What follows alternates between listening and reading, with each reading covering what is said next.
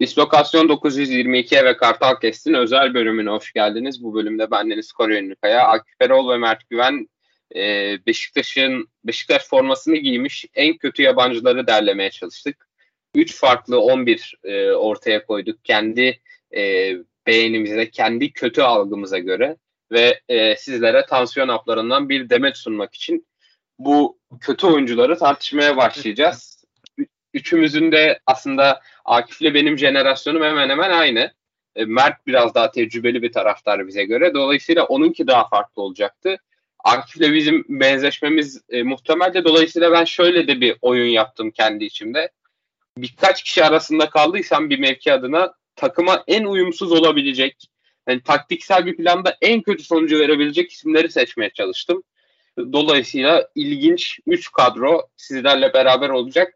E, bu bölümden sonra da Twitter hesabımızdan yapacağımız bir oylamayla beraber kendi adaylarımız arasından bir anket yapıp mevki mevki Kartal Kes takipçilerinin en kötü yabancı Beşiktaşlılar 11'ini oluşturmayı planlıyoruz.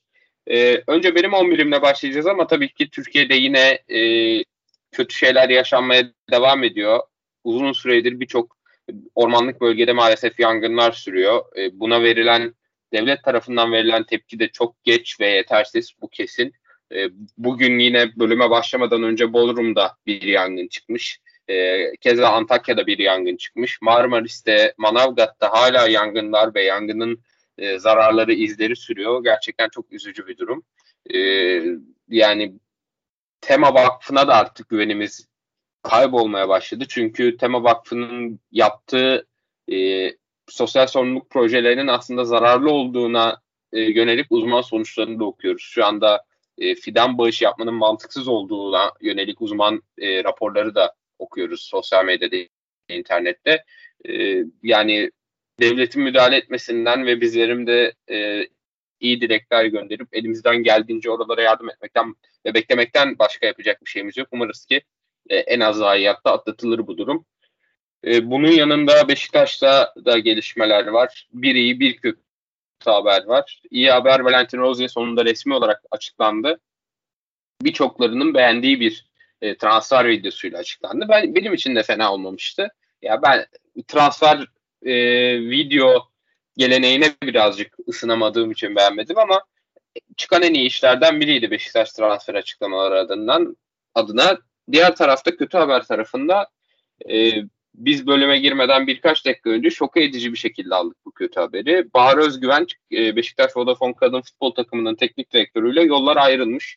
Neden yollar ayrıldığına dair bir açıklama yok e, resmi ağızdan. Herhangi bir muhabirin buna yönelik bir haberi yok. Sadece sosyal medyadaki Beşiktaş hesapları ve Beşiktaş Jimnastik Kulübü'nün e, kurumsal hesabı paylaştı. Şu anda da hiç kimse bir şey bilmiyor. Gerçekten anlaması güç bir durum. Biz de sonraki bölümlerimizde daha net bilgiler aldıkça bu konu hakkında e, sizlerle paylaşacağız, yorumlarımızı yapacağız.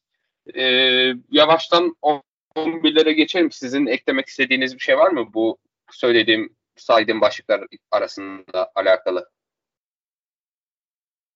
Mert? Ormanlarımız hani e, yanması kötü bir şey. Hani, e, yazık. O kadar hayatlar sonuçta canlar yok gidiyor. Hayvanlardan bitki örtüsünden tutun da e, oksijenimiz de yok oluyor. Geleceğimiz de gidiyor. Bu çok üzücü ve dileriz bir an önce kontrol altına alınır. Kötü gidişat e, sona erer. Aynı anda bu kadar yangının olması e, çok hoş değil. Bundan sonrası ne olacak, nasıl yönetilecek o da önemli. E, umarım ülkemiz yararına e, gerek politik açıdan gerek ekonomik açıdan e, ülkemizin zararına olmayacak, ranta gitmeyecek şekilde yönetilir diye umut ediyorum. E, Rose konusunda zaten beklediğimiz bir transferdi. Sevinçliyiz. Rose'nin buraya gelişini zaten hepimiz çok istiyorduk. Ayak kimya da tuttu. Bazı oyuncular boş yapar. Hani böyle boş taraftarlık yapabilirler. Ama sahada gösterdiği performansla bunu perçinleyen bir Rozier var. Onun için bu önemli bir transfer. Zaten sayacağımız 11'lerde de yeri gelince muhakkak e, bu tarz mesajlara da gireriz. Barca da içinde üzgün Beşiktaş'ın kimyası uymuş bir hocaydı. Ee, inşallah yolu açık olur. Ee, Beşiktaş için hayırlısı olsun. Ben üzüldüm. Sergen Hoca'nın e, bir etkisini yaratmıştı kadın futbol takımımızda. Gerçekten büyük bir karizma. Gerçekten de iyi bir hocaydı. E, yolu açık olsun. Hem kendisi hem Beşiktaş için hayırlı olsun. Akif senin ekleyeceklerin var mı?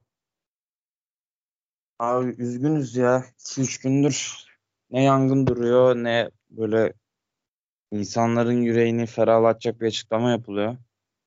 Çok ümidimiz de yok. Yani ee, sıkıntılı durumlar ya. Yani bunun yangının ne sebepten çıktığı açıkçası çok umurumda da değil. Bunun adı iklim krizi olmuş, e, terör eylemi olmuş falan. Yani bunu bir şekilde senin önlemen gerekiyor. Yani bunu kimin yaptığı da önemli değil benim için. Ee, yani ortada sonuçta canlar gidiyor Mert'in dediği gibi. İklim yok oluyor. Çünkü Türkiye'nin belki de hani yaşamaya değer olan olan bir ülke burası.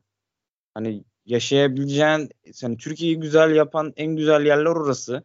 Antalya, Fethiye, dün Fethiye yazıştırmıştı. Türkiye'nin en güzel yerleri. İnsan üzülüyor yani. Belki aramızda bin kilometre falan yol farkı var ama oradan acısını hissediyorsun.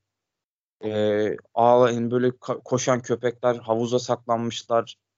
Ee, hayvanlar kaçışıyor etrafa. O ayrı bir sıkıntı. İnsanların yaşadığı durumlar ayrı sıkıntı. Belki yani insan çocuk kalkıp oraya tatile gidiyor ve bir anda yangın tehlikesiyle karşı karşıya. Canını kaybetmek tehlikesiyle karşı karşıya kalıyor. Kötü bir durum o yüzden. Umarım yakında biter. Yani bunu bir şekilde bitirmek gerekiyor ve artık bir şekilde kendimize de çeki düzen vermemiz gerekiyor diye düşünüyorum ben. Yani en azından, en azından hani belki bizim yapacağımız şeyler çok fayda etmez. Ya bunun en basit izmarit mevzuları, çöp mevzuları, ormanda bıraktığın çöp mevzuları. Yani bunun belki çok basit şeyler. Belki çok hani yüzde birini bile değiştirmez ama en azından insan kişisel sorumluluklarını yerine getirse bile bir kişi bile yerine getirse herkes böyle düşünse belki çok şey değişir.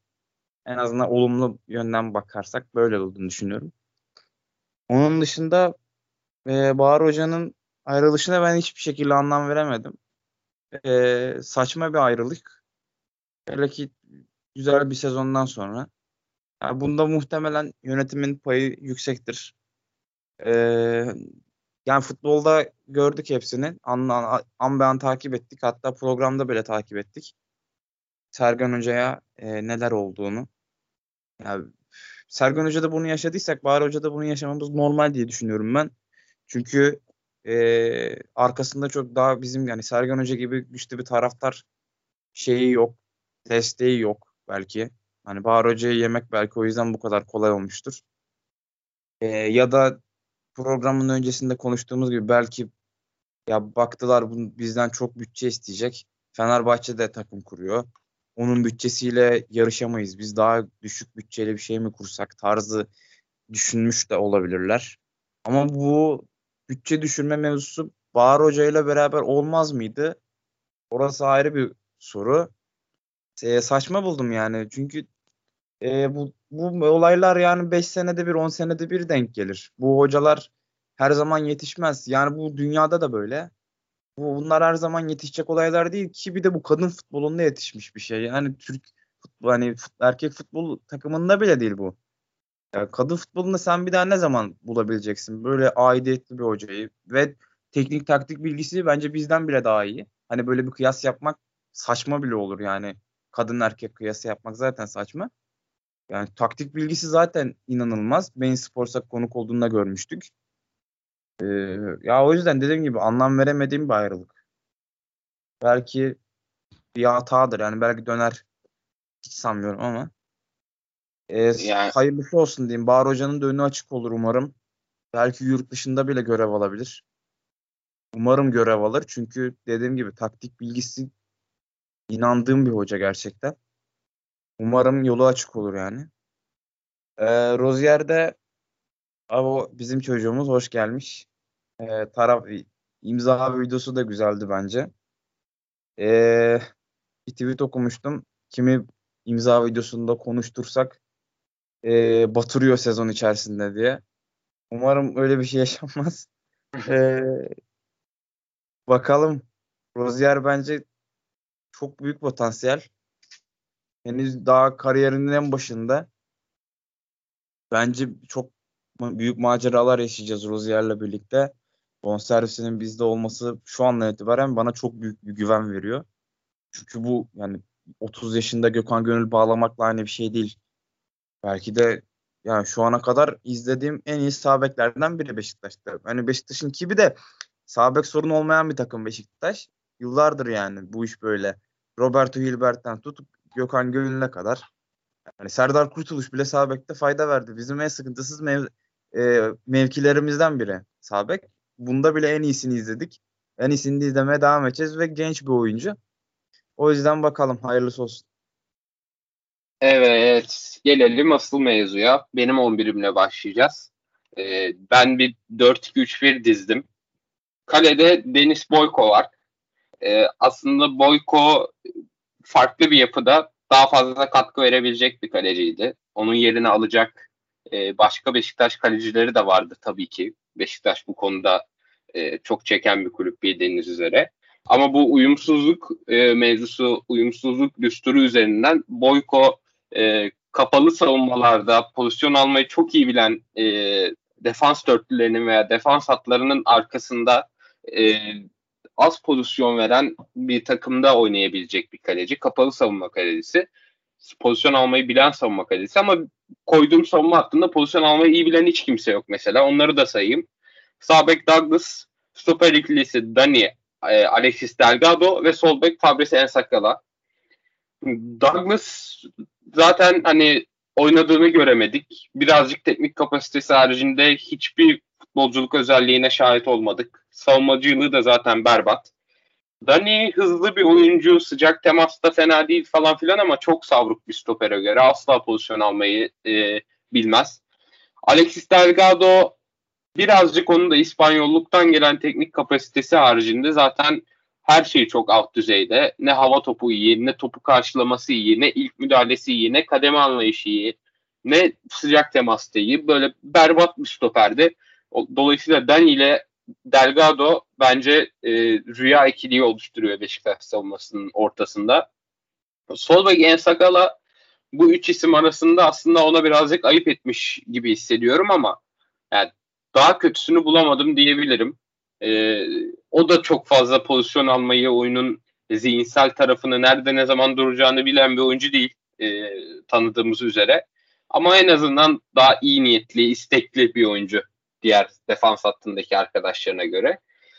E, ortada 4-2-3-1 ikilisinde harika bir ikili yakaladığımı düşünüyorum. Takımın en çok güvendiğim e, ikilisi Bernard Mensah ve Julio Alves. Biri zaten futbolcu değil Julio Alves. Biri de kendisinin futbolcu olduğunu iddia ediyor ama ben futbolculuğuna dair çok bir şey görmedim. İkisinin de asla fiziksel yönden takımın takım savunmasına katkısı yok. Böylelikle göbeğimiz çok daha açık olacak. E, rakip e, takımlar göbekten bizi çok daha rahatça delebilecek. Hiçbir güçlükle karşılaşmayacaklar. Müthiş gerçekten. E, Bernard Mensah'ın da harika top sürme hayaliyle topla dikine çıkıp topu kaptırdıktan sonra e, Dani ve Alexis ikilisinin arkasına atılacak toplarda gol yemeyi hayal ettim bu defans dörtlüsü ve öndeki ikiliyle beraber. Forvet'in arkasındaki üçlü e, sağdan sola şöyle. E, Jermin Lens, Dentinho on numarada ve solda Abdüley Diaby. E, bir kere Lens ve Diaby arasındaki ilişkiye dikkat çekmek istiyorum. İkisi de kaleyi 3 direği gördüğü anda eli ayağına dolaşan, bitiricilik namına hiçbir şey bilmeyen, e, ceza sahasında kaybolan hayalet gibi oyuncular. Bunun yanında ikisinin de karar vermesi e, çok çok düşük.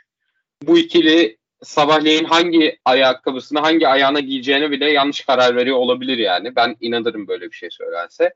Ayrıca şöyle bir artı taktiksel bir dokunuş yaptığımı düşünüyorum. Abdüley diye bir sol ayaklı bir oyuncu. Dolayısıyla sağdan içeri kat ettiğinde bir tık belki daha etkili olabilecek bir oyuncu profili. Ama ben onu sola koyarak iyice oyundan uzaklaştırıp iyice etkisizleştirilmesini sağladım. Ve böylelikle Beşiktaş'ın bu kadrosunun hiçbir hücum silahının olmamasını elde ettim.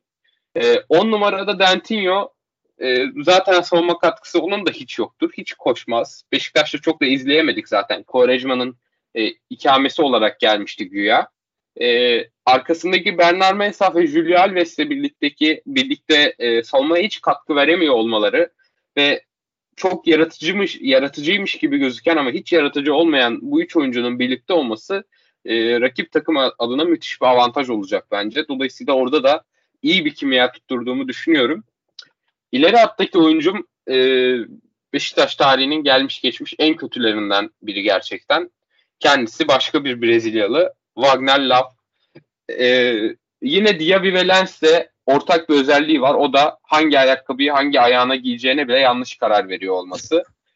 İkili oyunda yok. Sırtı dönük oyunda yok. Topu önüne atar ama gidemez. Kale önünde bitiremez. Son vuruşu yapamaz. Ceza alanında etkisizdir. Hava topları zaten yok. Ee, harika bir santrofor yani. Hiçbir şeyi yok. Yokluk açısından gayet komple bir oyuncu. Sağdan Lens ve soldan Diaby'nin yapacağı ortalara vuramamasıyla Beşiktaş'ın bu kadrosuna harika bir katkı vereceğini düşünüyorum. E, şuna da son dikkat, dikkat çekmek istiyorum. E, bu kadrodaki en fazla bulunan milliyet Brezilyalılar. Douglas, Julio Alves, e, Wagner Love ve Dantinho. Bu Brezilya dünyanın en yetenekli futbol ülkesinden e, gelen en yeteneksiz dört futbolcuyu siyah beyaz forma altında buluşturmayı başaran Beşiktaş yönetimlerini de bir kez daha tebrik ediyorum ve sözü Mert'e atıyorum. Nedir yorumun bu kadro hakkında? yani bazı isimler zaten ortak da e, özellikle sana katılıyorum. Gerçekten büyük bir başarı isteyen bir e, transfer politikası vardı Beşiktaş'ta. Ne tesadüf benim de mesela baktığım zaman 11'e daha çok e, veya işte kadroya baktığında Brezilyalılar damga vuruyor. Bu tesadüf değil. Yani dediğin gibi dünyanın bence en büyük futbol ülkesi Brezilya yetenek anlamında. Oradan bu kadar bunları toplamak gerçekten çok büyük iş. Ee, bu kadar başarısız e, çok kötü yabancı oyuncuların e, dahil olması. Galiba yedekler yoktu sende mesela. Ben şöyle bir, bir hızımı alamadım. 25 kişilik kadro çıktı benden ya. Hızımı alamadım ya. Oh oh iyi. Ama senin 11'e geçmeden önce, senin kadroya geçmeden önce Akif'ten taktiksel dokunuşlarıma ve orta ikileme dair bir yorum almak istiyorum. Çok iyi Mesa, İfade edişi süperdi kadroyu. Abi senin kadro Allah'ın unuttukları tam liste.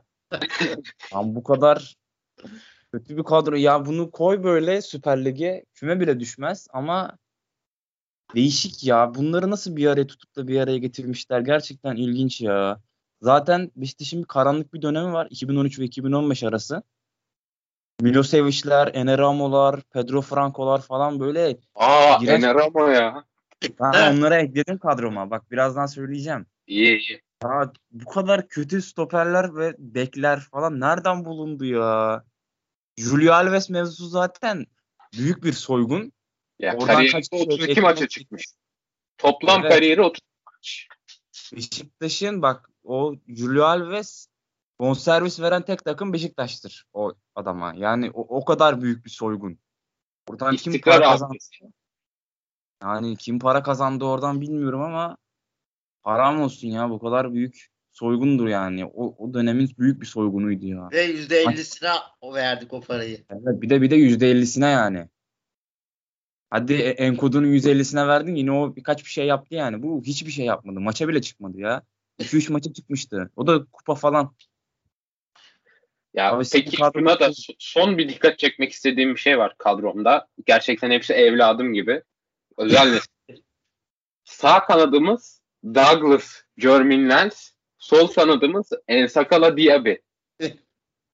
Yani Klopp'un eline versen dört tane Premier Ligi cebe koymuştu şu anda. Süper kadro ya. Önlerinde şey... çok gizli bir forvet. Takım arkadaşları bile. Aşırı gizli. Aynen.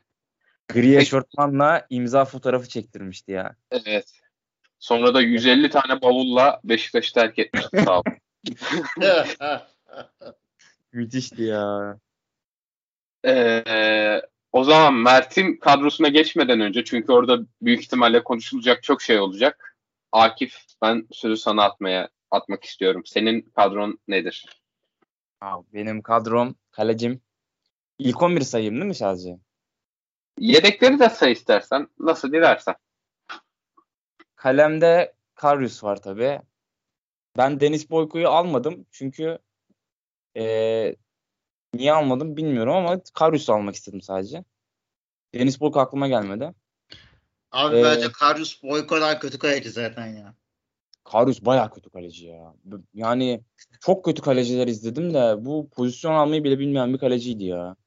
Yani Boyko Beşiktaş'a gen tutmadı. Yoksa Boyko o kadar kötü kaleci değildi. Evet. Evet. Bir de yani Karius'un üstüne falan top geliyordu frikikte. Rodega falan frikten kaçırıyordu. Seviniyorduk falan yani. Stoper attığımda Milosevic ve Alexis Delgado var. Milosevic 2014-2015 sezonunda böyle bir karlı bir kış günü bir anda Türkiye'ye gelmişti. Ya bu aslında kötü bir transfer değildi. Yani yatırım transferi gibi bir şey. Nere İsveçliydi bu muhtemelen bu. Çok kötü gözle de bakmamıştık ama hiçbir katkı vermeden gitmişti. Ben o yüzden onu aldım.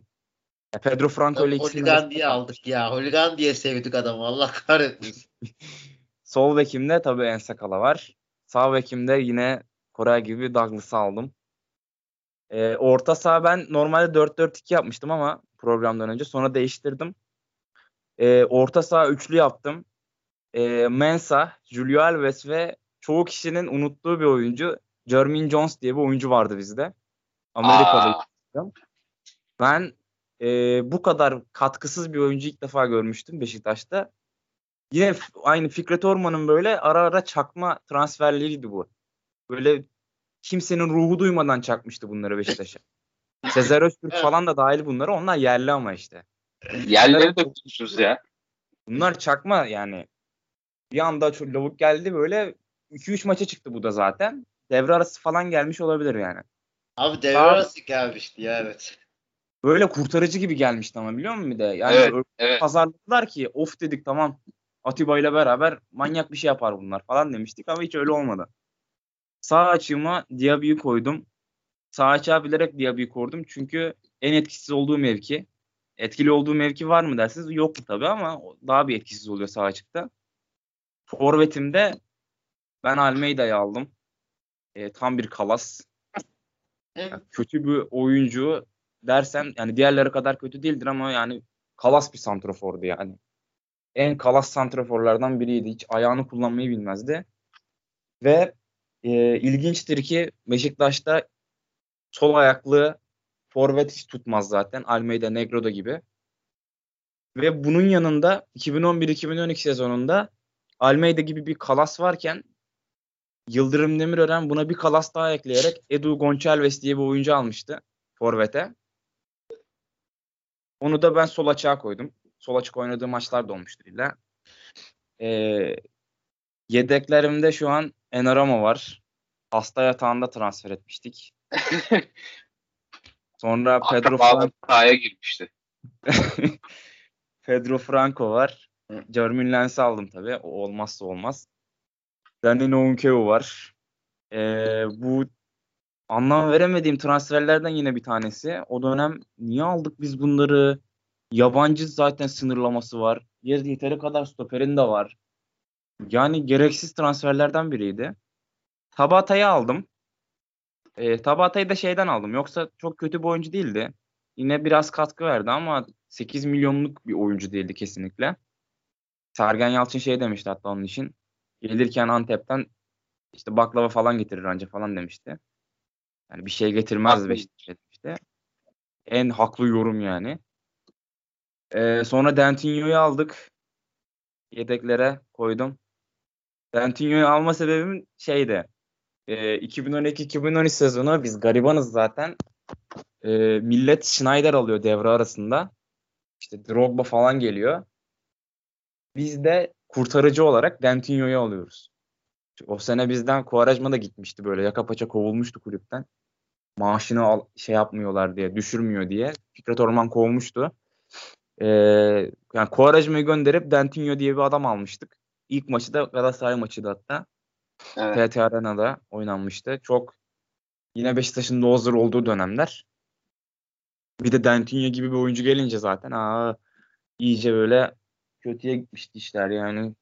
Dentinho'yu kurtarıcı olarak almıştık bir de 7 numarayı falan vermiştik. Öyle büyük umutlarla gelmişti adam. Ama hiçbir şey beceremedi. Ee, bir de Aras'ı aldım ben. Aras Özbiliz'i. Ermenistanlı. Yani Türk asıllı bir ama Ermenistanlı diye aldım.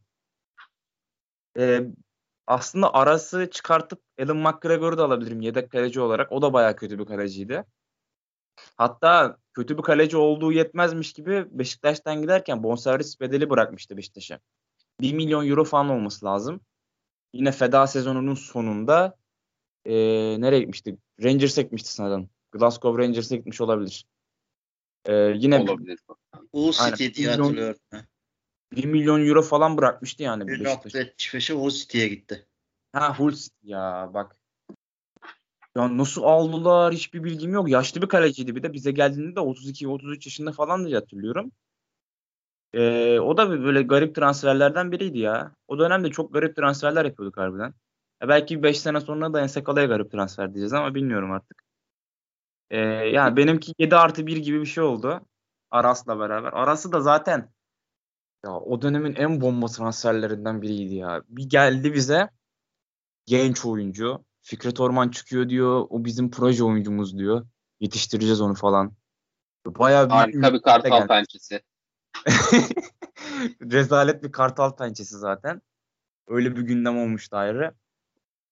Ya o da çok kötü bir oyuncuydu ya. Ya belki Şenol Güneş mobbingine uğramıştır. Ya çünkü Şenol Güneş inatçı bir adam. İlk gördüğünde beğenmiyorsa bir daha imkanı yok denemez. Belki onun kurbanı da olmuş olabilir ama e, Beşiktaş'tan sonra da çok bir şey yapamadı. O yüzden Aras, Aras Özbiliz'i aldım ben yani. O da facia transferlerden biridir. Ee, ben başlamak istiyorum yorumlarımla. Stoper ikilim gerçekten beni benden aldı. Milosevic koymayı düşündüğüm oyunculardan bir tanesiydi ilk 11'e. Ama Dani'yi kıramadım. Çok istedi, çok istekliydi. Antrenmanda çok kötü performans sergilemişti. Dolayısıyla o hak etti. Milosevic'le ilgili şöyle bir anım var. Her zaman e, adı geçtiğinde anlatıyorum. Ya Milosevic gerçekten hani olumlu bir havayla gelmişti. Bir tane uzaktan bir gol mü ne o atmıştı. O video gösteriliyordu sürekli e, TRT Spor'da, NTV Spor'da falan filan. Bayağı iyi bir şey bekliyorduk aslında. Geldi bir Türkiye Kupası maçında rakip Sarıyer olması lazım. Tolga Arslan'ın gol attığı maç olması lazım hatta. Beşiktaş kariyerindeki iki golden biri. Diğeri de zaten Liverpool golü. Aldı topu böyle sağ stoperde aldı kaleciden topu. Diğer stopere verecek. Abi adam topa vurmak yerine ayağını yere vurup ayak tarak kemiğini kırdı ya. ya böyle bir stoper böyle, futbolcunun bunu yapmasını beklemezsin ya. Ayağını yere vurmak ne? Sen ortaokulda taş zeminde mi oynuyorsun? Asfalt zeminde mi oynuyorsun? İlginç bir oyuncuydu gerçekten. Bekler zaten harika. Beşiktaş tarihinin gelmiş geçmiş en iyileri. Ee, Edu'yu ben açıkçası çok izlemedim ama Almeida konusunda sana birazcık kalbim kırıldı. Çünkü benim çocukluk kahramanlarımdan bir tanesiydi Almeida. Ee, o zamanlar bizde tek gol atan oyuncu olduğu için onu seviyordum mecburen. Hatta bir ara gol kralı olacağına falan da inanmıştım ama maalesef olmadı tabii. Abi zamanda ben de çok seviyordum. Hatta böyle Alman oynuyorduk mahallede. Kafa golü attığımda Almeida diye bağırmıştım var. Kalp falan yapıyordum elimle ama kötü bir forvet ya. Evet. Ve biraz yokluktan sevilen oyunculardan bir tanesiydi. Evet, evet kesinlikle öyle. Kesinlikle öyle. Mert senin yorumların neler? Ya ben hatta konuşurken ben tutamadım kendimi. Gerçekten ya o kadar o günler öyle çektiğimiz rezillikler aklıma geldi ki gülme krizine girdim yani. Öyle böyle kötü günler değildi. Ya ben hatırlıyorum bu Milosevic'in transferinde e, taraftarlarla meşale yaktı videolar gösteriliyorlar. Yani bize çarşı bunları paylaşıyordu bir gazla falan. O zamanlar tabii küçük olduğumuz için de diyordum lan helal olsun taraftar aldık falan. O gazla biraz idare etti Milosevic. Yani stoper e, zaten pardon bek ikilisi üçümüzün de aynı yani en azından. Eğer Sakala'yı 11'e almasam da ben zaten yedekte kullanmıştım. Genel olarak katılıyorum. Bence Almeida kesinlikle çok kalas bir santrafordu. Ben ondan daha beterli gördüklerim olduğu için 11'e alamadım. Ama kesinlikle çok büyük bir kalastı. Kafa golü dışında çok bir özelliği yok. O da yani o cüsse bende olsa ben de atardım o kadar kafa golünü yani. Ya topu abanır uzak belki öyle denk gelirse gelir. Teknik sıfır tam bir kalastı gerçekten de ve bu adamın bu kadar e, gezmesi, başarılı olabilmesi de ilginçtir. Beşiktaş'ın Werder Bremen'den santrafor alıp da başarılı olduğunu zaten hiç görmedim. Kimi alsa elinde patladı. Bu da onlardan biriydi yani. On olarak, genel olarak zaten kadroya yüzde yüz katılıyorum ben. E, hepsi dahil. Söylediklerimin yüzde yüz aynı fikirdeyim. Arası ben de dün düşündüm alsam mı diye. Mesela hadi onu yerli de alırız diye almadım. E, yerli sayılır diye. Yoksa Aras'ta gerçekten bambaşka fiyaskolardan biriydi. Kabus gibiydi. Bir German Lens belki birazcık sıyrılabilirdi. O da şu yüzden düşündüm. German Lens kapasitesizdi ama iyi niyetliydi. Hani öyle Jones demek istedin sanırım. Ne? Ay German, German Jones ne Lens Allah korusun. Allah yazdıysa olsun. Lens. Bak Jones'u kastettim tabii. Ya Jeremy Jones feda döneminde o paraya o kadar ya o paranın katkısı olurdu. O da o katkıyı verdi en azından öyle düşünmek lazım. Ne ekstra para saçıldı. Kiralık gelmişti zaten. Verebileceği katkı oydu. Kasap gibi bir oyuncuydu. Ya yaptığı iş oydu. Onu da yaptı. Sağ olsun. Sadece John Jones için farklı düşünüyorum. Onun dışında %100 katılıyorum kadro konusunda. Peki Akif'in aslında yaptığı müthiş bir e, taktiksel detayı fark ettim ben. Onun hakkında da Mert senden yorum alacağım. Şimdi Almeida pivot santrafor ya biraz geriye geliyor, derine geliyor falan filan. Diaby ve Edu ters ayaklı, forvet özellikli iki isim içeri kat ediyor. Bunun yanında Ensakala ve Douglas kenarlardan kanat oyuncusu gibi ileri çıkıyor. Gerçekten müthiş yani ağızları açık bırakacak. Aa, hayranlık yaratacak ben bir taktik. fark etmemişim. İleri üçlüm benim full sol ayak. Bak bunu şimdi fark ettim. Edu da mı sol aktı ya? Ee, yani solak gibi. Sağ ayağını da kullanıyordu da. Olsun. O da içeri kat eder, kat eder. Bunlar taktik abi. Ah. yine yine bir Liverpool e, şeyi var, detayı var. Diyorum bu iki kulübün kaderi birlikte diyorum anlatamıyorum kimseye neyse. Mert o zaman senin katılıyorum gerçekten de. Ee, ya Edu ilginç bir zat zaten. Sağ bek, sol bek, sağ açık, sol açık, orta sağ, on numara santrafor. Adam bir tek stoperle kaleciye oynamamış. Biz de adamı santrafor diye oynat şans bekledik. Arada sol açıkta kullandık. Gerçekten inanılmaz bir oyuncu transferiydi bize Edu.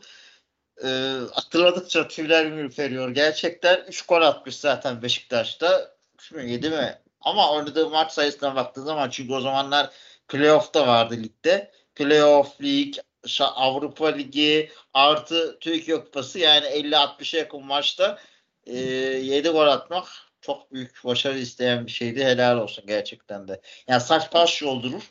Stopa ikisi zaten saç baş yoldurur. Hani bu kadro ileri çıkıyor geri boş diyorsun da geriye çıkmasa ne olacak ki? Zaten gene 5-6 tane yiyecekler. En azından hiç yorulmazlar geriye koşmakla. ileride beklerler. Gelen gol olur. Bir şey fark etmez yani. Peki o zaman senin seçmene geçelim artık. Ee, 25 kişilik harika bir kadro bekliyoruz senden. Söz sende. Evet, abi ben kaleye bu anca eski çilek gençlerin bildiği Runya'yı aldım. Ee, Runya Hırvat'tan Hırvatistan'dan iyi kale çıktığını ben şu ana kadar çok görmedim. Bilmiyorum siz gördünüz mü? Gittik 30 yaşında Runya'yı getirdik. Adam ya size şöyle söyleyeyim. Hiç unutmam bir Sivas maçı vardı. İleri de oynuyorduk. Ee, o zamanlar rakibin forveti Sivas'ın forveti Balili'ydi. Balili değil adam 1.60 bu adam yani. Kısa boylu adam. Sivas atak geriden attı uzun topu. Runye çıktı kaleden. Santra'nın orada Runye'nin hani 20 santim 30 santim çok daha kısa balili. Kafayla topu aşırtarak gol attı orta sahadan. Dedim bu golü yedikten sonra benim Runye'ye hiçbir güvenim kalmadı zaten. Yani Runye hatta taraftar dalga geçiyordu ya statta. Ve Runye, Runye diye adam tempo tutuyorduk. Adamın psikolojisi bozulmuştu. Psikoloğa falan gitmeye başlamıştı. O kadar berbat bir dönemdi. Ligin sonuna doğru toparlacık toparlar gibi olsa da Allah'a çok şükür sezon sonunda yolu vermiştik. Sağ beke Douglas alıyorum hepiniz gibi. E, isimsiz kahraman. E, unutmuştum. Ben unutmuştum kendisini. Diyordum sağ kimi alsak diye geçenlerde konuşurken e, o kadar unutmuşum ki adamın kimliğini unutmuşum ben. O kadar oynamamış ki Kore'yi hatırlatmıştı. Sol ancak 6 aylığına Beşiktaş'a gelen Seric aldım. Seric çok ilginç bir klip. Ya o dönem mesela 2005 2009 arası yabancı sınırı da olduğu için Beşiktaş'ın tutmayan yabancılara genelde hep 6 aylık olurdu. Gelirdi 6 ay sonra biz onu göndermeye çalışırdık. Havalimanında karşılardık. 6 ay sonra büyük beklentilerle aldığımız oyuncuyu göndermek için yalvarırdık. Ee, çok ilginç. Hatta şöyle sana e, size yani seri için yapabildiği şeyleri söyleyeyim. Yabancı oyuncu sol ve kalmışın. Senin takımında İbrahim Üzülmez var. Ee, çok hani büyük bir yetenek sayılmaz. Ki ben çok sevdiğim bir zat. Ee, Şampiyonlar Ligi, Türkiye Kupası, lig dahil adam 7 maçta oynamış abi. 7 maç için yabancı kontenjanını harcıyorsun. Ve bunların tamamına 90 dakika da değil. Ligde sadece 3 maçta oynayabilmiş bir adamı alıp 6 ay sonra Zoraki'yi göndermek gerçekten büyük bir işti. 7 maç için o adamı almak. Sonra da Karabük, Karabük'e geldi zaten Türkiye'ye. Büyük bir koydu gözüyle bakıyorum. Ee, benim stoperim üçlü. Ee, dedim nasılsa bu takım gol yiyecek. Ki Beşiktaş tarihinde bence yapılan en kötü transferler genelde hep stoper oldu. Kadar stoperin arasından ayırmak zor olur dedim. Ve Gordon Schiedenfeld'i getirdim. Gordon Schiedenfeld çok ilginç bir karakter. Sezonun yarısında geldi. O Liverpool'dan 8 yedikten sonraki devre arasında geldi. Biz Ekim'de Kasım'da Liverpool'dan 8 yedik. E, Diatta'yı gönderdik. Diatta'yı da aldım. Onu da geleceğim. Gordon Schiedenfeld geldi takıma. Kurtarıcı olarak geldi abi. Ve biz onu 6 ay sonra gene e, kapının önüne koymak zorunda kaldık. Gene yolladık. E, adam 10 maçta oynadı. E, Türkiye Kupası'nda sadece 31 dakika oynamış. Ligde oynadığı 9 maçında birinde 1 dakika, diğerinde 7 dakika e, oynamış. Geri kalanlara 90 dakika. Yani baktığında sen sadece 6 maç 90 dakika oynayabilecek bir stoper almışsın yabancı sınırı olduğu yerde.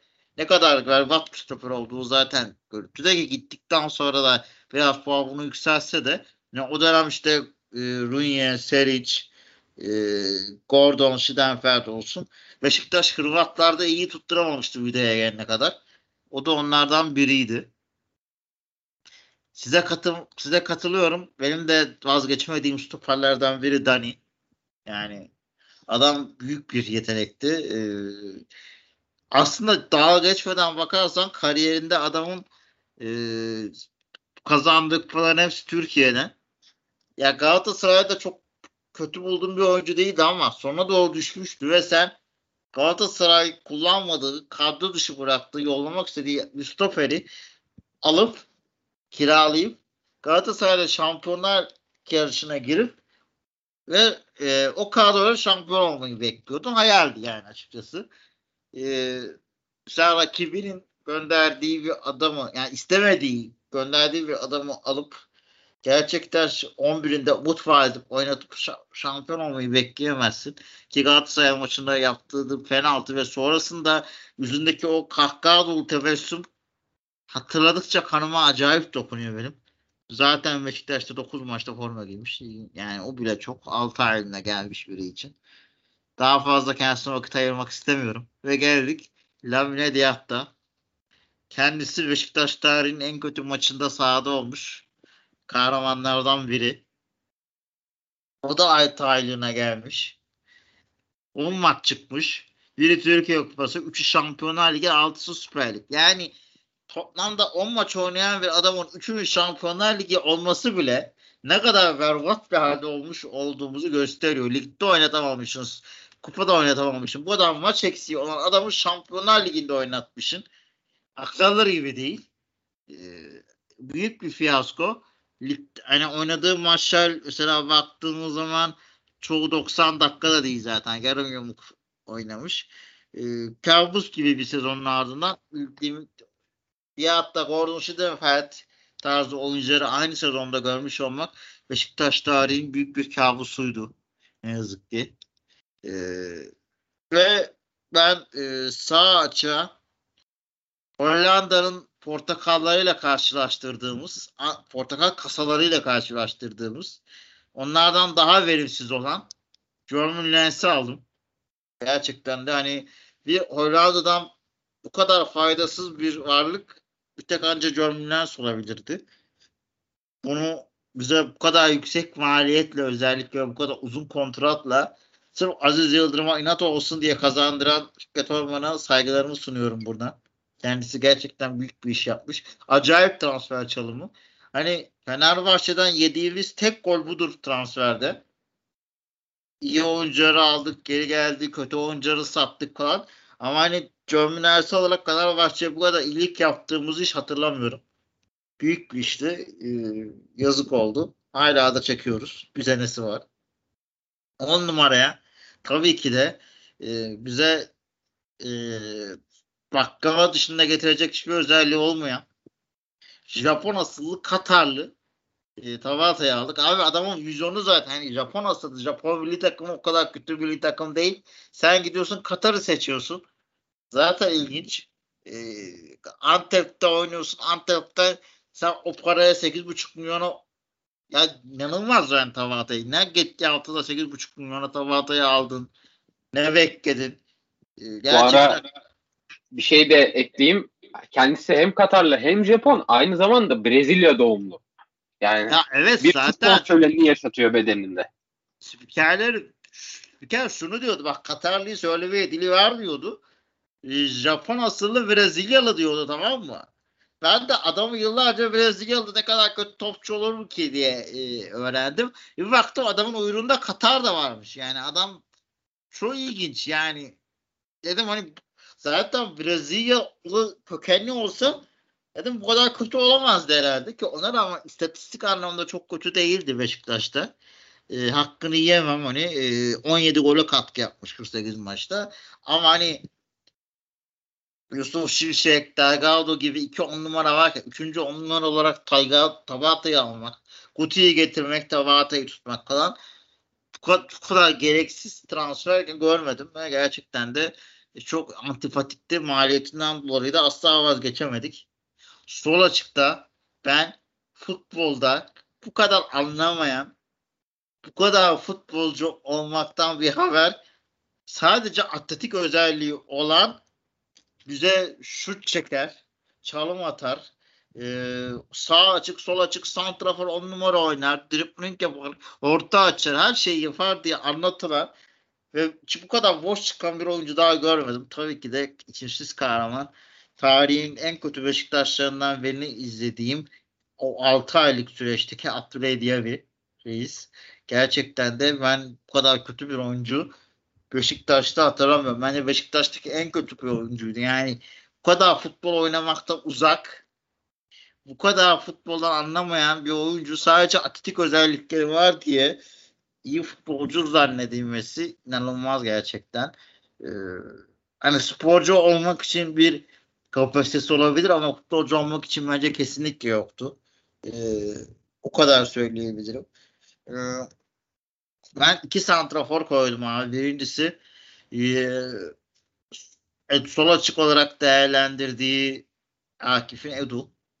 Yani Edu e, başka bir seviyeydi Beşiktaş'ta. Yani gerçekten de abi adam o kadar maç oynamış. Gerçekten de 5 gol atmış ve gerçekten kabus gibi bir santrafordu ve kaleci falan da oynadığı söylüyorlardı gençliğinde. Daha o kayda geçmemiş. Dediğim gibi bir sürü mevkide oynamış. Ya bu kadar böyle bir adamla yani bunu faydalanamak, bir yıl almak gerçekten büyük bir kayıptı Beşiktaş adına. Üzücüydü Edu'yu izlemek. Gol attığı maçlarda genellikle Beşiktaş farka gittiği rakibin dağıldığı maçlardı. Ve Santrafor'da 120 kilo 32 yaşında transfer ettiğimiz Werder Bremen'den hamburger yeme rekorları olan e, Ayrton'da yıllarca Sergen Yalçın kırılan laf etti bu kulüp. Yönetimi, takımı taraftar hocaları. Ama Ayrton'u getirdi ve Ayrton ben sahada kalp krizi geçecek diye korkuyordum. Ağustos'ta geldi. Ee, tıkanıyordu koşarken. Forma yırtılacak gibi oluyordu. Forma yoktu adama uygun. 6 ay sonra biz onu gene yolladık. Kiralaya yolladık. Sonra bir yerden sonra bonservisiyle satmayı başardık. Adam ailesine bakıyordu. Kalabalık da bir ailesi var. 9 çocuğu mu ne vardı yanlış hatırlamıyorsam. Ee, böyle bir adamdan hani bu kadar kötü transferler 6 haline getirip sonra yollamaya çalışmak gerçekten Beşiktaş'ın bu paraları böyle gitti yani. Bugünlere böyle geldi. Yedek yarı McGregor feda sezonunda Glasgow'dan alıp 26 maçta kalesinde 39 gol görmesine rağmen Hull City'ye satıp kar etmek gerçekten büyük bir iş. Ki Beşiktaş'ın o zaman stoper ikisi o kadar kötü değildi yani. Beşiktaş'ın kadrosu biraz yetersizdi yedek olarak anlamında ama 11 bazında o kadar kötü bir 11'i yoktu. Kaleci kötüydü gerçekten de ve ona rağmen e, McGregor'ın ilk transfer yapması şaşırtıcı. Alexis Delgado hepimizin 6 aylık dönemde unutulmaz anılar bıraktı. Buna Akis Almış'ta dahil. Onu da yedeklere aldım. Matteo Ferrari'yi aldım. Ee, Mehmet Demirkol'un bir sözü vardı. Matteo Ferrari bir İtalya'da ancak bir araba markası olabilir. Ancak e, Ferrari adında bir adam bize işte fayda getirmez diye 5 milyona aldık. 2 yıl sonra adamı kulüpsüz olarak yolladık. Ve gel 6 adam top oynamadı. Öyle bir adamdı ve Fenerbahçe maçında öndeyken bizi yakıp kırmızı kart gördü ve biz o maçı 4-2 kaybederek şampiyonluğu verdik. Hatırlayanlar olur. Ki Almanya'da o maçta kalaslığını kullanıp kaleciyle karşı karşıya gol atamamış. O da bize pay sahibi olmuştu. Ve tabii ki de sol bekte Ensekala'yı aldım. Ensekala'yı 11 alamamın sebeplerinden biri için çok daha berbat olması ve Ensekala'nın şampiyon kadroda oynamasıydı. Yani Ensekala şampiyon kadroda oynayınca içinden almak gelemedi 11'e. Ee, gene de gerçekten futbol bilgisi zayıf. Evet iyi niyetli olabilir. Elinden geleni yapıyor olabilir.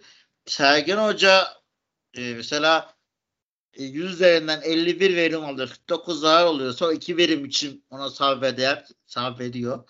2 verimin daha önemli olduğunu düşünüyor kadro için.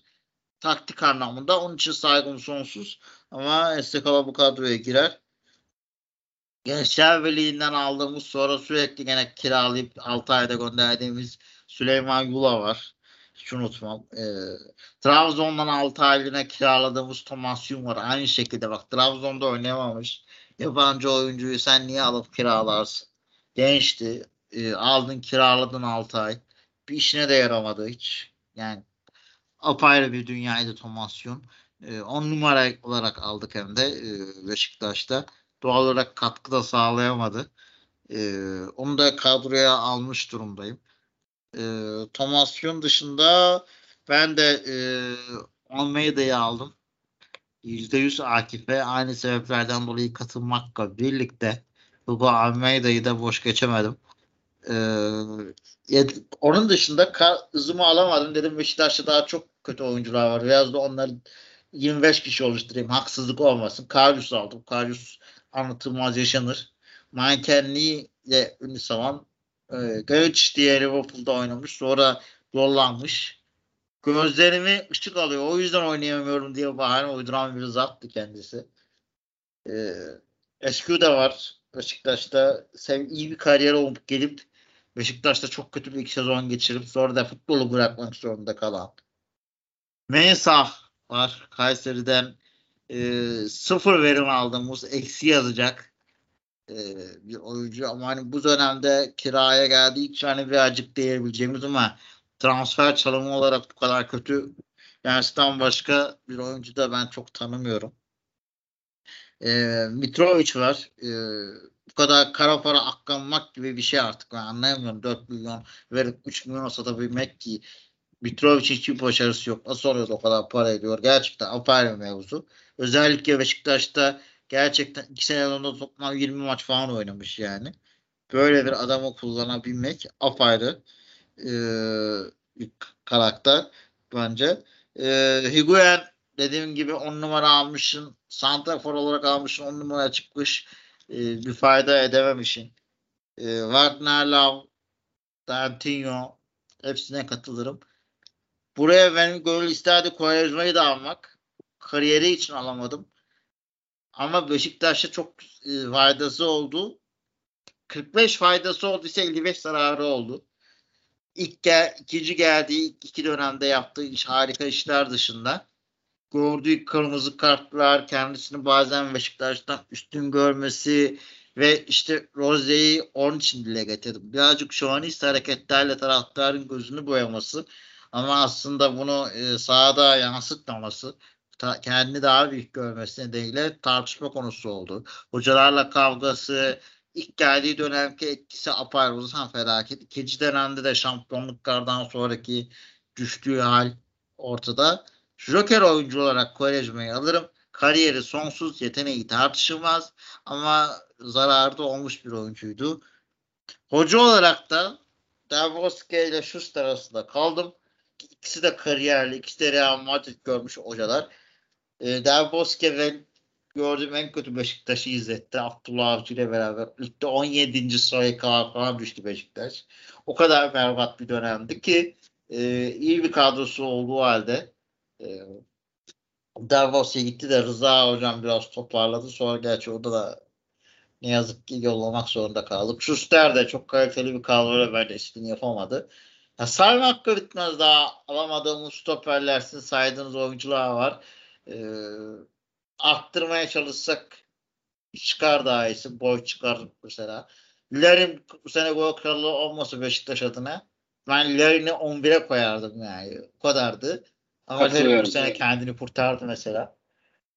Ne kadar kötü günlerden geldiğimizi gösterdi bize bu çıkardığımız tablo.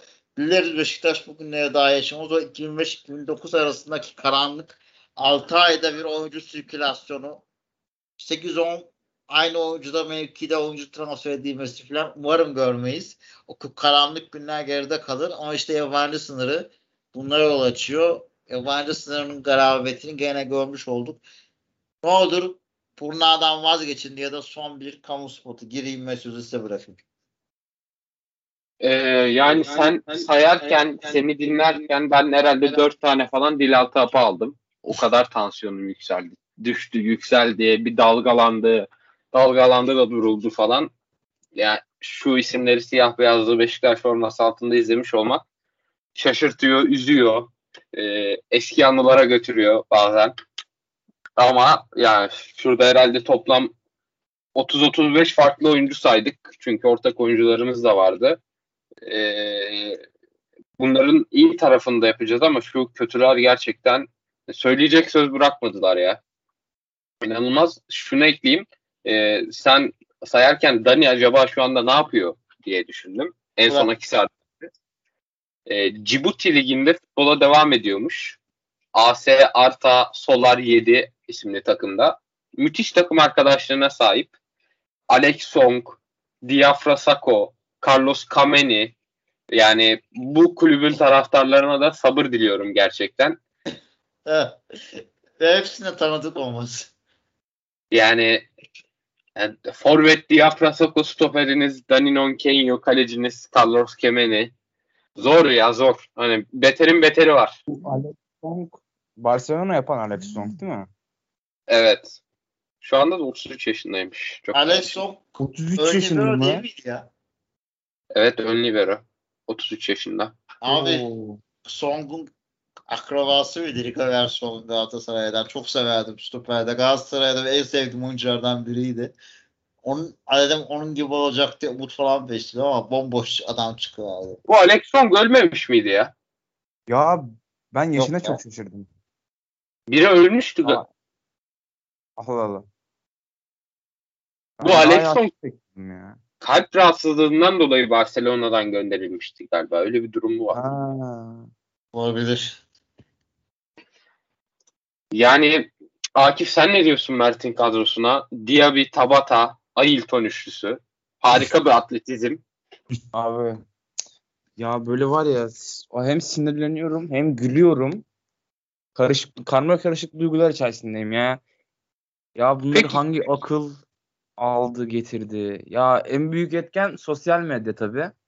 Şimdi Ailton gibi bir adamı getir bakayım ne oluyor Twitter'da yan yangın yeri olur ortalık. en büyük etken sosyal medyadır muhtemelen ya.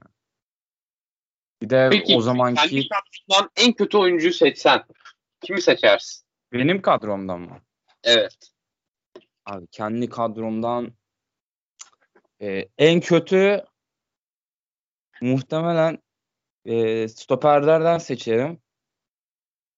Ben Pedro Franco'yu alırım ya. İlk 11'i almadım ama Pedro Franco'yu alırım. Pedro Franco çok kötü. Çok kötü stoperdi. Bak o kadar kötü stoperdi ki yani niye ilk 11'i almadım aslında? ya bu biraz bir oynadığı için almadım ben. Çünkü bayağı oynadı. Yani Milosevic'e Delgado hiç oynamadı neredeyse. Çok az oynadı. Liverpool deplasmanına çıktı yani Pedro Franco. Çıktı. Ya Pedro Franco bak mesela onun kariyerinde e, Beşiktaş kariyerinde çok fazla kırmızı kartı vardı. Hı hı. Çünkü o kadar salak bir oyuncu ki adamı bekliyor. Çünkü tekte müdahale etmeye çalışıyor. Öne çıkıyor. Müdahaleyi yapamayınca geriye geride kalıyor. Yani adam geçiyor onu. Bu sefer arkadan taktırıyor. Böyle bir kere kırmızı kart yemişti. O kadar kötü stoperdi ya. Bir de ilk geldiği zaman bize şey diye tanıttılar bunu. İşte e, Güney Amerika'nın en yetenekli stoperi. Cordoba Ayar. önerdi diyorlardı. Ney? Cordoba önerdi diyorlardı. Ya o kadar şişirmişlerdi ki. Hatta Rocco döneminde mesela Enzo Rocco gelmişti. Onunla ikisi aynı e, etkiyle geldi. Aynı havayla geldi diyebilirim Pedro Franco ile Enzo Rocco. İkisi çok benziyor mesela. Yok işte böyle potansiyelli, şöyle potansiyelli falan diye yutturdular bize. Adam bir geldi stoper falan da değil. Fiziğini görsen belki- falan var bak. Sayamıyoruz bak. ya Mirin'i falan geç abi. Hadi Mirin en alt sıra sıralarda. Onu ekleyemiyorsun bile kadroya. O kadar kötü is- isimler var ya. Ya bunları kim aldı Beşiktaş abi? Yazıklar olsun ya. Ya Peki Mert, Pedro için şöyle bir şey var. Bence Pedro yanlış taktiğin hocasına geldi. Ya Pedro Franco bence Slavan Bilic'in o ofansif futboluna uygun bir stoper değildi. Ağır bir stoperdi ve kadro Evet. planlaması olarak geldi işte. Arkaya dayanan bir Anadolu kulübünde Pedro Franco çok iyi iş yapardı. Biraz ağır bir oyuncuydu. Fiziği Anadolu'da- olan bir oyuncuydu. ve Bence kötü yanlış taktiğe transfer edilmiş, kötü kullanılmış, harcanmış bir oyuncuydu. Kiralık gitmişti sanırım ya bir yere. Evet kira yolladık da sonra da tamamen sattık evet. Ha Bolu Spor'a gitmiş. Al işte. Peki Mert senin kadronun en kötü oyuncusu kim sence? Abi işte o kadar saydık ya ama yani e, kararsızım gerçekten. Diaby diyeceğim muhtemelen. Bir yandan da Edu göz kırpıyor. Baksan Diat da alınır. Yani üçü arasında e, ama ben Diaby'ye acayip kaldım. En azından Diat da Edu daha az oynuyordu ya. Diaby çok oynadı. Diaby ya. Saç baş yoldu yoldurdu. Bu kadar kötü oynayıp bu kadar çok oynaması kanıma dokunuyordu. Ya ben de kendi en kötü seçmek için bakıyorum. Sanıyorum Bernard Mensah diyeceğim ya. Tahmin etmiştim. Futbolcu olarak saymıyorum. Bernard Mensah ya. Çok kötü oynadı. Yani çok kötü oynadı gerçekten.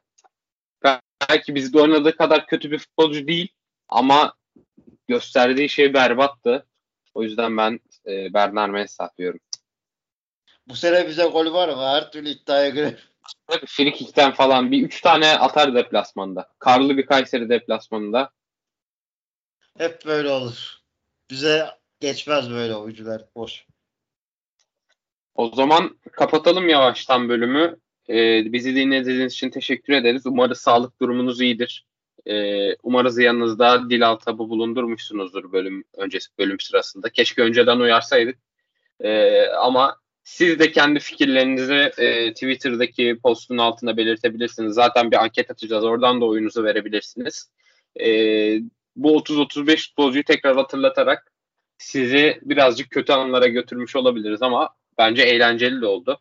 Ee, bir kez daha dinlediğiniz için teşekkür ederiz. Sizlerin de ağzınıza sağlık beyler. Deriz bu karanlık yollardan bir daha geçmeyiz. Evet, evet. Bir dahaki bölümde transfer gündem bölümünde görüşmek üzere. Hoşçakalın. Hoşçakalın.